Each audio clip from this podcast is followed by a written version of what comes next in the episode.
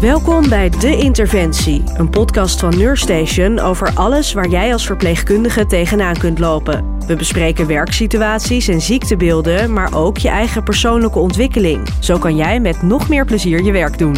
Ik ben Rebecca Looyen en vandaag ga ik in gesprek met verpleegkundig specialist Roshi Nazir over omgaan met mensen met een verslaving.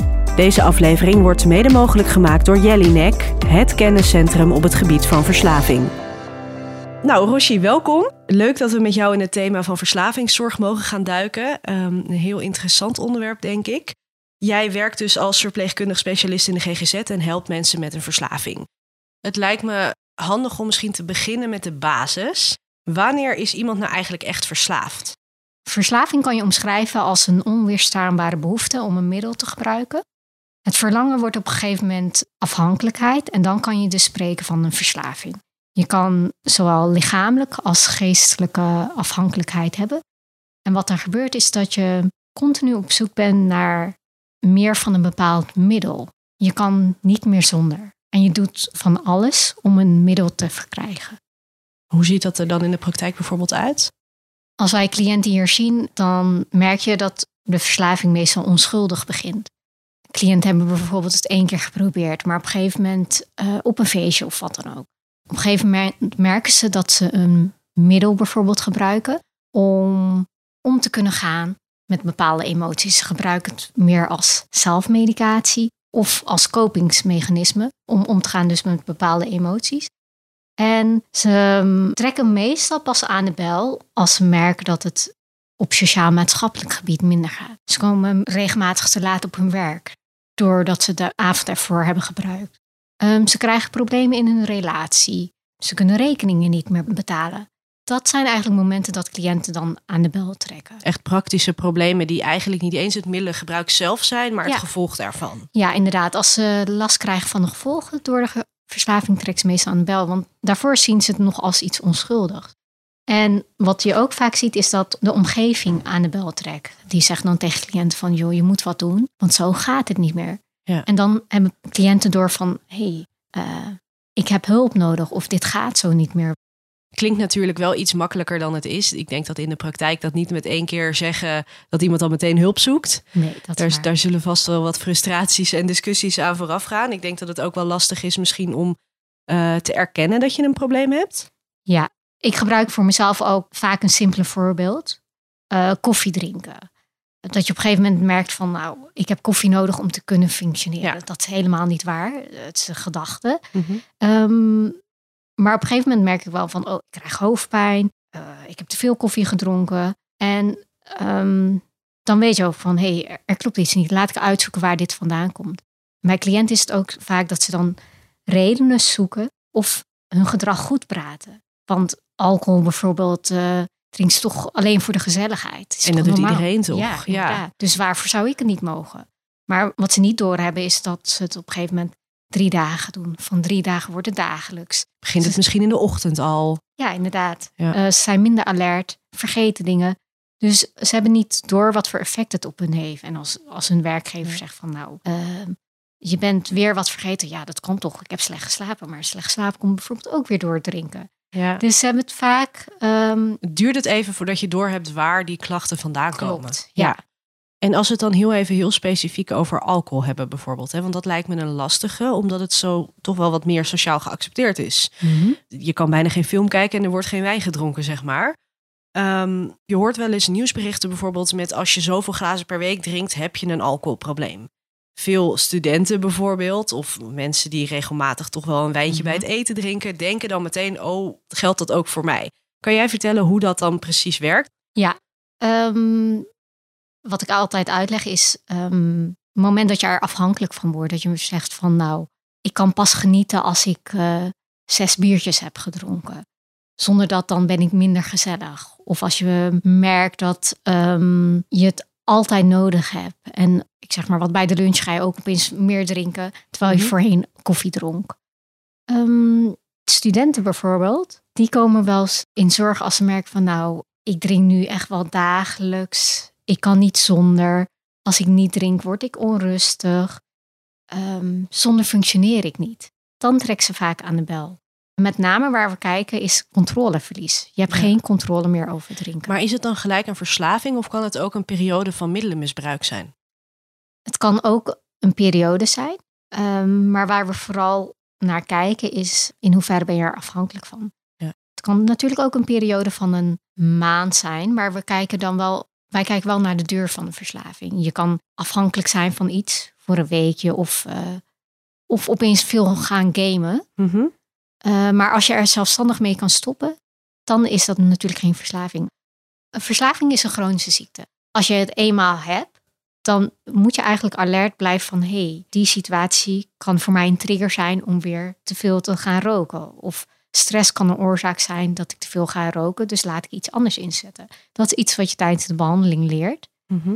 En wat je ook vaak ziet is dat mensen die zelfstandig stoppen, wel eens een terugval krijgen. Dus dat ze weer overmaat gaan gebruiken en dan gaan ze hulp zoeken. Want ze merken van nou, ik, ik heb het zelf geprobeerd. maar het lukt me niet. Ja. En dat is ook lastig om zelfstandig te stoppen en vervolgens geen begeleiding daarbij te krijgen.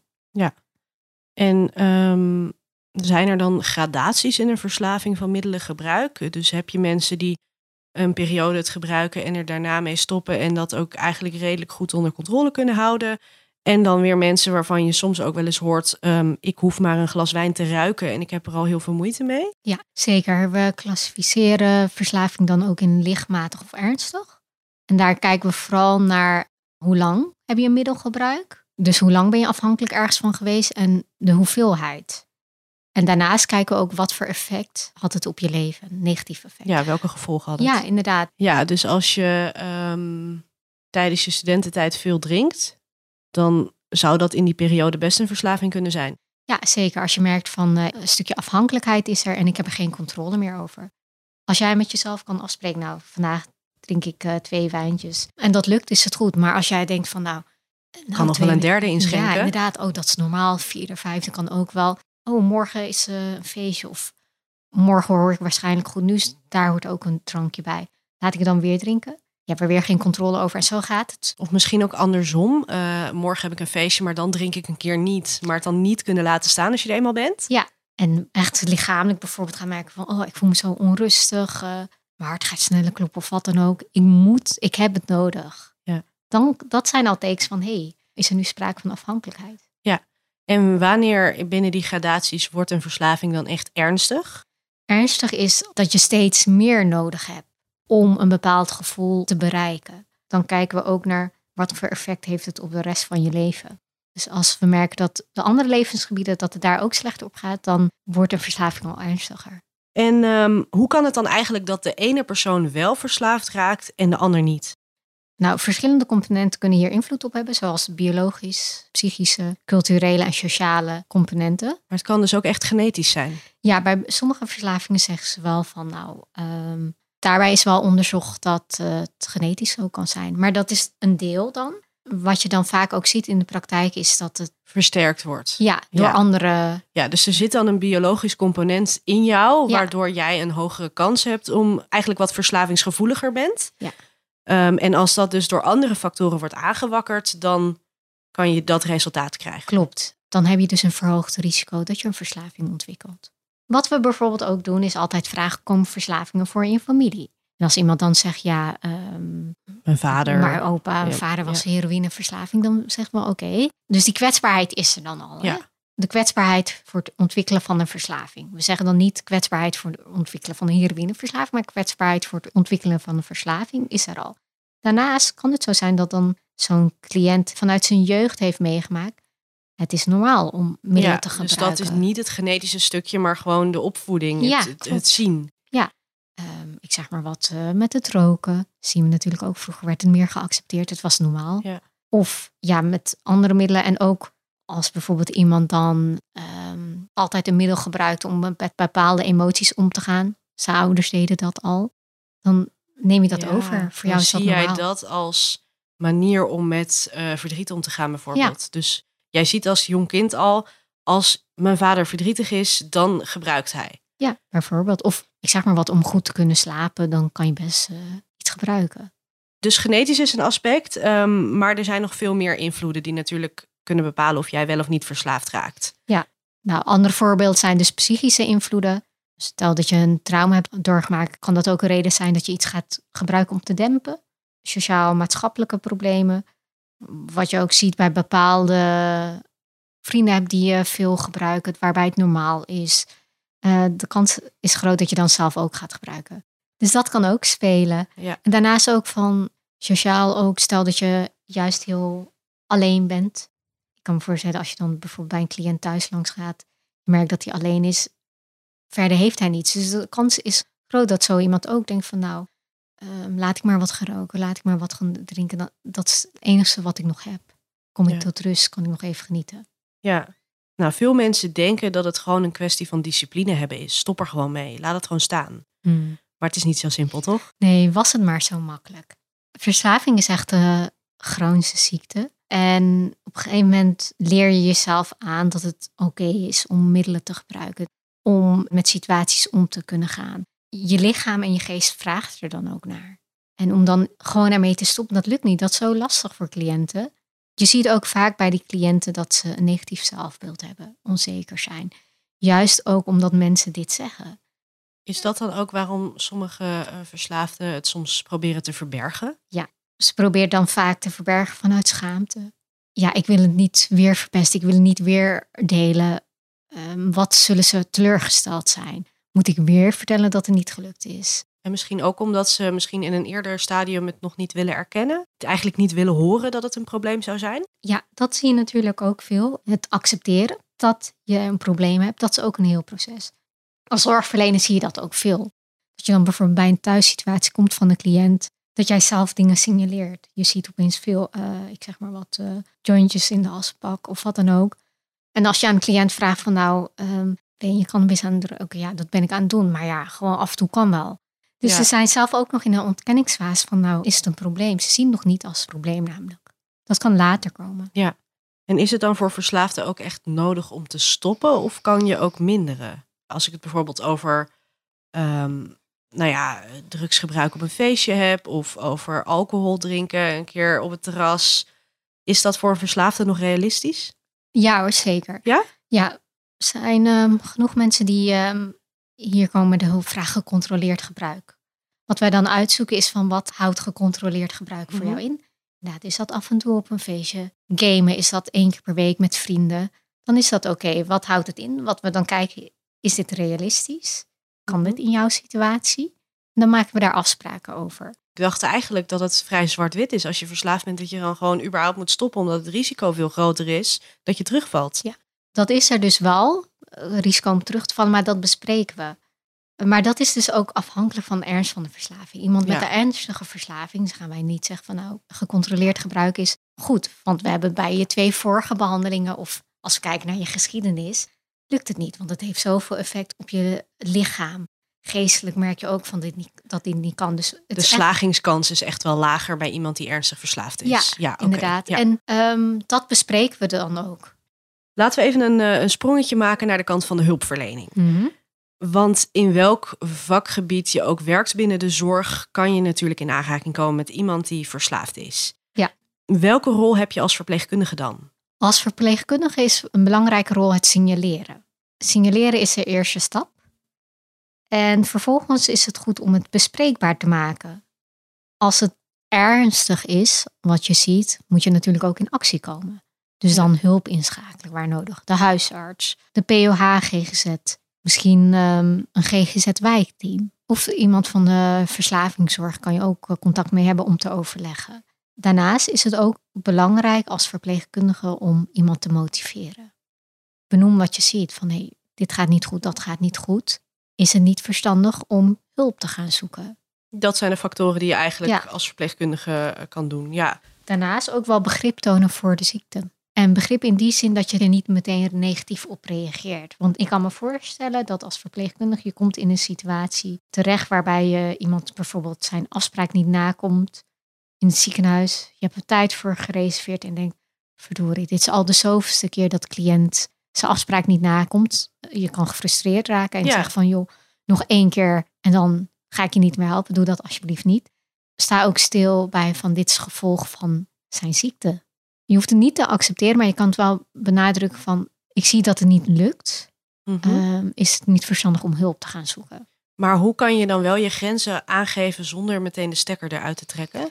Ja, grenzen aangeven kan je doen door bijvoorbeeld te zeggen, nou, ehm, stel een verpleegkundige in de thuiszorgsituatie, wondzorg lukt niet, wonden helen niet goed, of dat je niet eens bij iemand kan komen doordat iemand gebruikt, dat iemand heel afwerend is. Dan kan je je grenzen aangeven van, ik kan je niet gaan helpen tenzij je verandert.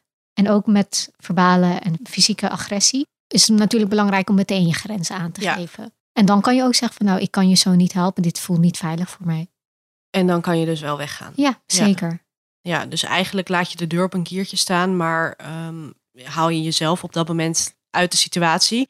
Maar leg je wel uit waarom. Ja, dat vooral. En als je weggaat zonder iets te zeggen of niet meer terugkomt bij de cliënt, dan weet je natuurlijk, oh ja, zie je, het heeft geen zin. Ik heb toch al verpest, laat ik maar doorgaan. Dus je geeft op dat moment je grenzen aan, dan vertrek je, maar je komt de volgende keer wel weer terug. Ja, als je afspraken kan maken met de cliënt. Ja, je staat natuurlijk niet, niet zonder afspraken ineens op zondagmiddag voor de deur. Nee, maar ook bijvoorbeeld dat je van tevoren even contact opneemt met de cliënt. Dit gebeurde er. Ehm, hoe kunnen we dit gaan aanpakken dat dit niet weer ja, gebeurt? Even een kleine terugkoppeling. Ja, zeker. Ja. De eerste stap is dus signaleren. Ja. Signaleren kan je natuurlijk alleen maar als je weet waar je op moet letten. Mhm. Wat zijn de belangrijkste kenmerken van een verslaving? Iemand is veel afgevallen. Je merkt dat huidskleur anders wordt. Iemand is vermoeid. Dat zijn wel tekenen dat iemand mogelijk gebruikt. Geestelijk zie je dat. Iemand gaat zich afzonderen. Uh, komt afspraken niet na. Slaapt veel, slaapt weinig. Communicatie wordt anders. Iemand is minder alert. Iemand is vergeetachtig. Je merkt dat verhalen niet altijd kloppen. Je merkt dat het op andere gebieden minder goed gaat. Uh, prikkelbaarheid, veel meer ruzies. Ja, op dat soort vlakken. Ja, en dan denk ik dat er in de omgeving ook nog wel wat signalen zijn die je kan zien. Ja, het makkelijkste is natuurlijk als je het ziet door de omgeving. Dat je echt letterlijk uh, het middel op tafel ziet liggen. Of dat je merkt dat iemand, als je binnenkomt, dingen probeert te verstoppen. Ja, kratjespier, sporen van gebruik. Als je dat in de omgeving ziet, dan zou je het natuurlijk ook kunnen bespreken. En vooral als je dan ook gedragsverandering ziet. Draai er ook niet omheen. Wees gewoon duidelijk. Want als je er omheen draait van, oh, is dit van jou? Oh, um... Dan geef je ook een, misschien een uitweg. Ja. Dan is het makkelijk om te zeggen, oh nee, maar dit was gisteravond een vriend langs en die heeft het laten liggen. Ja, inderdaad. En als je dat dan hebt gedaan en je weet, ik heb hier te maken met iemand die uh, uh, problematisch middelengebruik uh, heeft. Mhm. Hoe kan je het dan het beste aanpakken? Want je moet het gesprek aangaan. Ja. Maar dat is niet makkelijk. Nee, inderdaad. Um, je kan dan aan de cliënt vragen of hij zich herkent in hetgeen wat je ziet. Bespreekbaar inderdaad maken van, nou, merk je verandering? Zegt de cliënt nee, dan kan je zelf aangeven. Nou, ik merk wel dat dit en dit veranderd is dit kunnen we aanpakken. Sta je daarvoor open? Want dan motiveer je iemand al om hulp te gaan zoeken. Denk je dat dat in het eerste gesprek al gelijk zo aan bod komt? is dat het eerste begin? Nee, ik denk um, dat heeft tijd nodig. Ja. Een cliënt moet je ook vertrouwen. Dus als jij als hulpverlener bij een intake binnenkomt en zegt van, oh, ik zie een paar flessen wijn daar staan, uh, ligt op tafel. Is er sprake van um, moet je niet eens hulp zoeken. Nee, inderdaad. Je kan het benoemen van ja, uh, hoeveel drink je, hoeveel gebruik je. Dus dat zou ik zeker meenemen in zo'n intake. Dat is eigenlijk ook denk ik vrij normaal toch, dat je dat vraagt. Ja. Alleen hoor ik wel best wel vaak dat dat niet standaard wordt uitgevraagd. Oh. Tijdens een intake. Oké. Okay. Thuiszorginstanties hoor ik wel eens dat ze niet standaard uh, middelengebruik uitvragen. Dus dat is wel iets wat ik mee zou nemen tijdens zo'n intake. Is er een reden voor dat dat niet gebeurt? Ik denk dat je mm, je hebt als verpleegkundige werkt bij verschillende instanties met andere doelen. Ik zeg maar wat, uh, in de thuiszorg ben je vooral bezig met somatische dingen. Werk je in de GGZ-wijk, dan richt je je ook weer op andere dingen. Dus ja, is het misschien iets dat een snel tussen wal en schip belandt? Ja, inderdaad. En je hebt meer aandacht voor iets anders, want je komt natuurlijk voor een andere hulpvraag van de cliënt. Ja, precies. Dus eigenlijk zeg je, zet vooral niet iemand direct voor het blok, maar begin dat subtiel, bouw vertrouwen op en dan kan je ook steeds meer bespreken. Ja, en geef ook veel psycho-educatie. Want vaak missen mensen ook wel psycho-educatie ten aanzien van verslaving. Dus informatie over wat doet het uh, met je. Net zoals dat je uitleg geeft over medicatie, kan je dat ook over verslaving doen.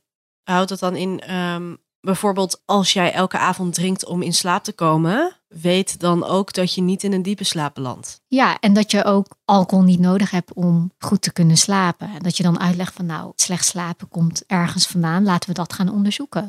En op het moment dat je dan zo'n gesprek aangaat en je, je bouwt dat op, uh, maar je merkt dat iemand het lastig vindt om te bespreken. Dus iemand wil niet luisteren, iemand wil niet erkennen dat er een probleem is. Hoe pak je dat dan het beste aan? Dat is afhankelijk van wat je zelf merkt ook. Stel dat je denkt van nou, deze situatie is nog hanteerbaar. Ik geef cliënt wel door van nou, als je in gesprek met een expert daarover wil gaan, dan kan ik samen met jou gaan kijken wat er mogelijk is. En dat je het een terugkerend onderwerp laat zijn. Dus dat je niet uh, vergeet.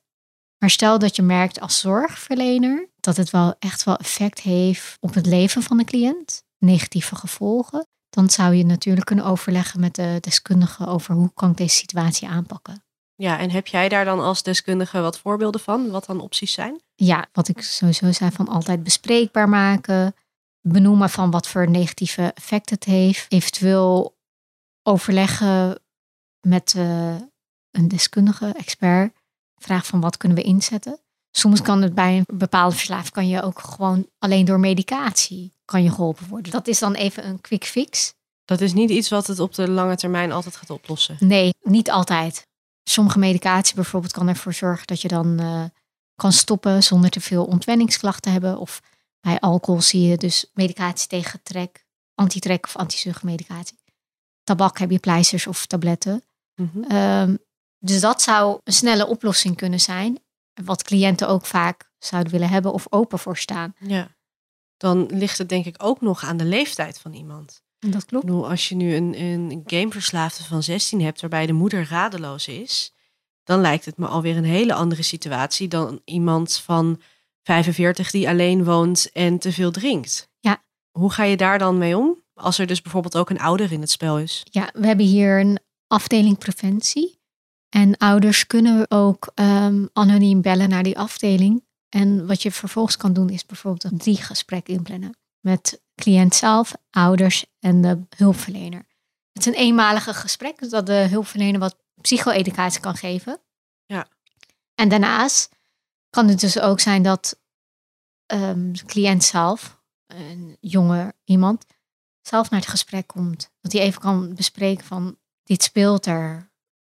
Je ziet ook vaak dat vanuit school iemand wordt ingeschakeld. Misschien is er wel een decaan of een speciale iemand die dat bespreekbaar kan maken. Ja. Dus kijk wel wat er al in de omgeving van het kind is. En ouders ook vaak vanuit bescherming zeggen ze het of doen ze allerlei dingen. Maar daardoor schrikt een cliënt natuurlijk wel weer af.